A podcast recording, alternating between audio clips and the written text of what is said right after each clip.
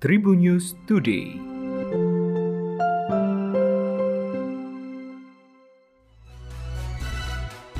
Halo Tribuners, berjumpa kembali dengan Tribun News Today bersama saya Gilang Putranto. Sejumlah informasi terkini dihadirkan untuk Anda di antaranya informasi dari nasional.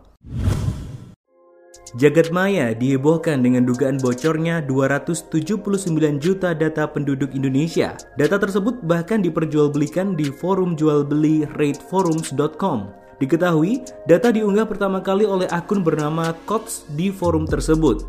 Informasi pribadi yang bocor meliputi NIK, nomor induk kependudukan, nama, alamat, nomor telepon, bahkan kabarnya juga jumlah gaji. Bahkan pengunggah membagikan sampel 1 juta data secara gratis yang bisa dilihat melalui tiga URL pengunduhan. Adapun Kementerian Komunikasi dan Informatika menduga kuat data tersebut berasal dari data BPJS Kesehatan. Juru bicara Kementerian Komunikasi dan Informatika, Dedi Permadi mengungkapkan, kementeriannya memanggil direksi BPJS Kesehatan untuk dimintai keterangan terkait bocornya data kependudukan Indonesia pada hari Jumat 21 Mei 2021. Kemenkominfo juga menegaskan akan menginvestigasi kasus tersebut.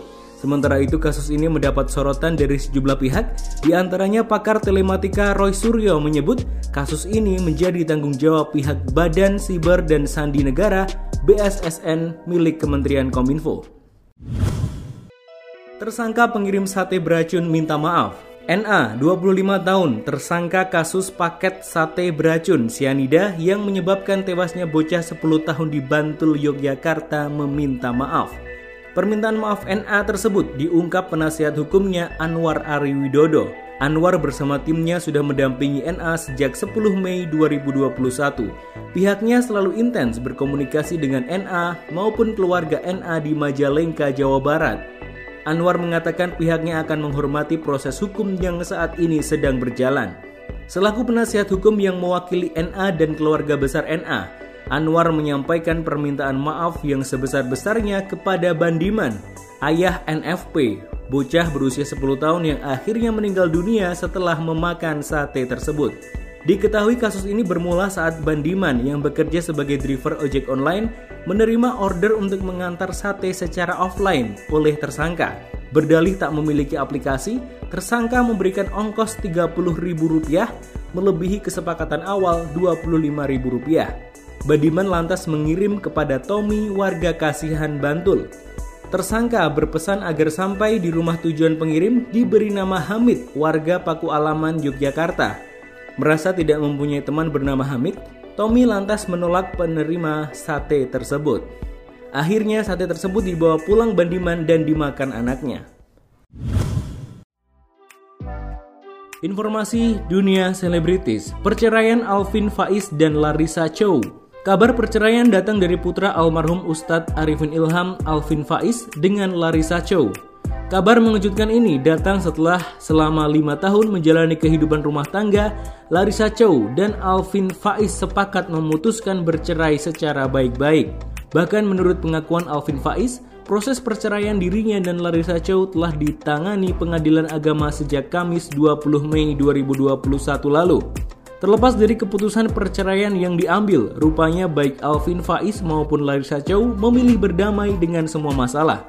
Lewat unggahan Instagram pribadinya, Larissa Chow menulis pesan menyentuh untuk mantan suaminya Alvin Faiz.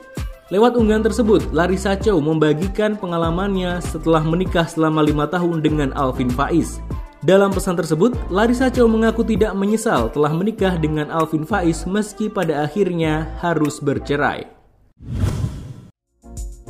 Informasi dari dunia olahraga, hukuman ala Sintayang di pelatnas timnas senior. Pelatih timnas Indonesia Sintayang memiliki tiga jenis hukuman untuk para pemain Garuda dalam pemusatan latihan di Dubai, Uni Emirat Arab. Hukuman tersebut ialah ditendang dengan bola, berlari hingga jewer telinga.